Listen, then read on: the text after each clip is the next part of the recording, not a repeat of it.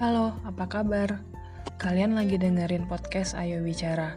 Podcast yang bisa kalian dengerin kapan aja dan di mana aja. Yuk cerita, karena diam nggak pernah ngasih lega.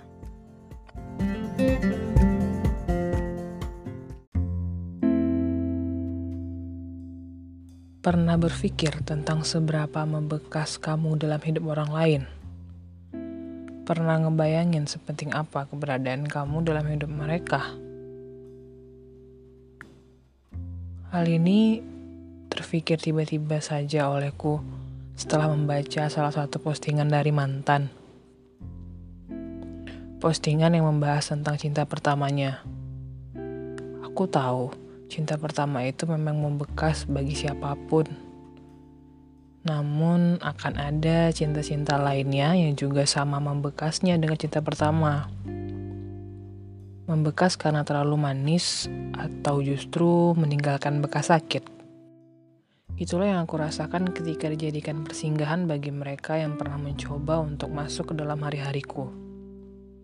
Masing-masing mereka memberikan bekas tersendiri ada yang begitu manis, sangat manis.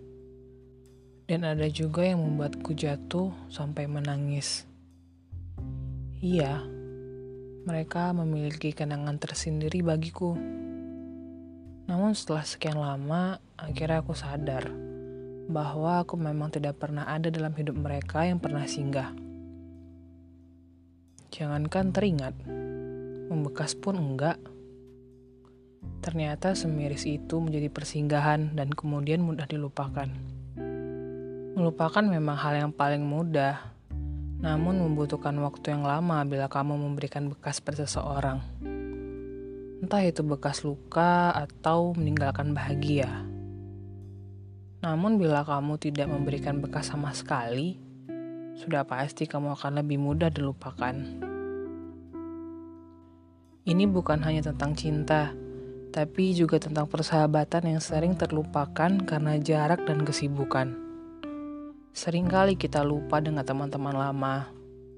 Semakin banyak kita bertemu orang baru, semakin sulit rasanya menjaga ikatan dengan teman-teman lama. Kita mulai punya kesibukan masing-masing, sehingga tanpa sadar udah menciptakan lingkaran baru yang bisa dimasuki cuma kita dan orang baru tadi kita membuat teman lama sudah tidak bisa lagi masuk ke dalam lingkaran yang sudah berbeda itu. Sampai akhirnya kita dan teman lama saling canggung karena pembicaraan yang udah mulai nggak nyambung. Hal itu akan menjadi bekas yang menyakitkan bagi teman lama, namun nggak buat kita sendiri.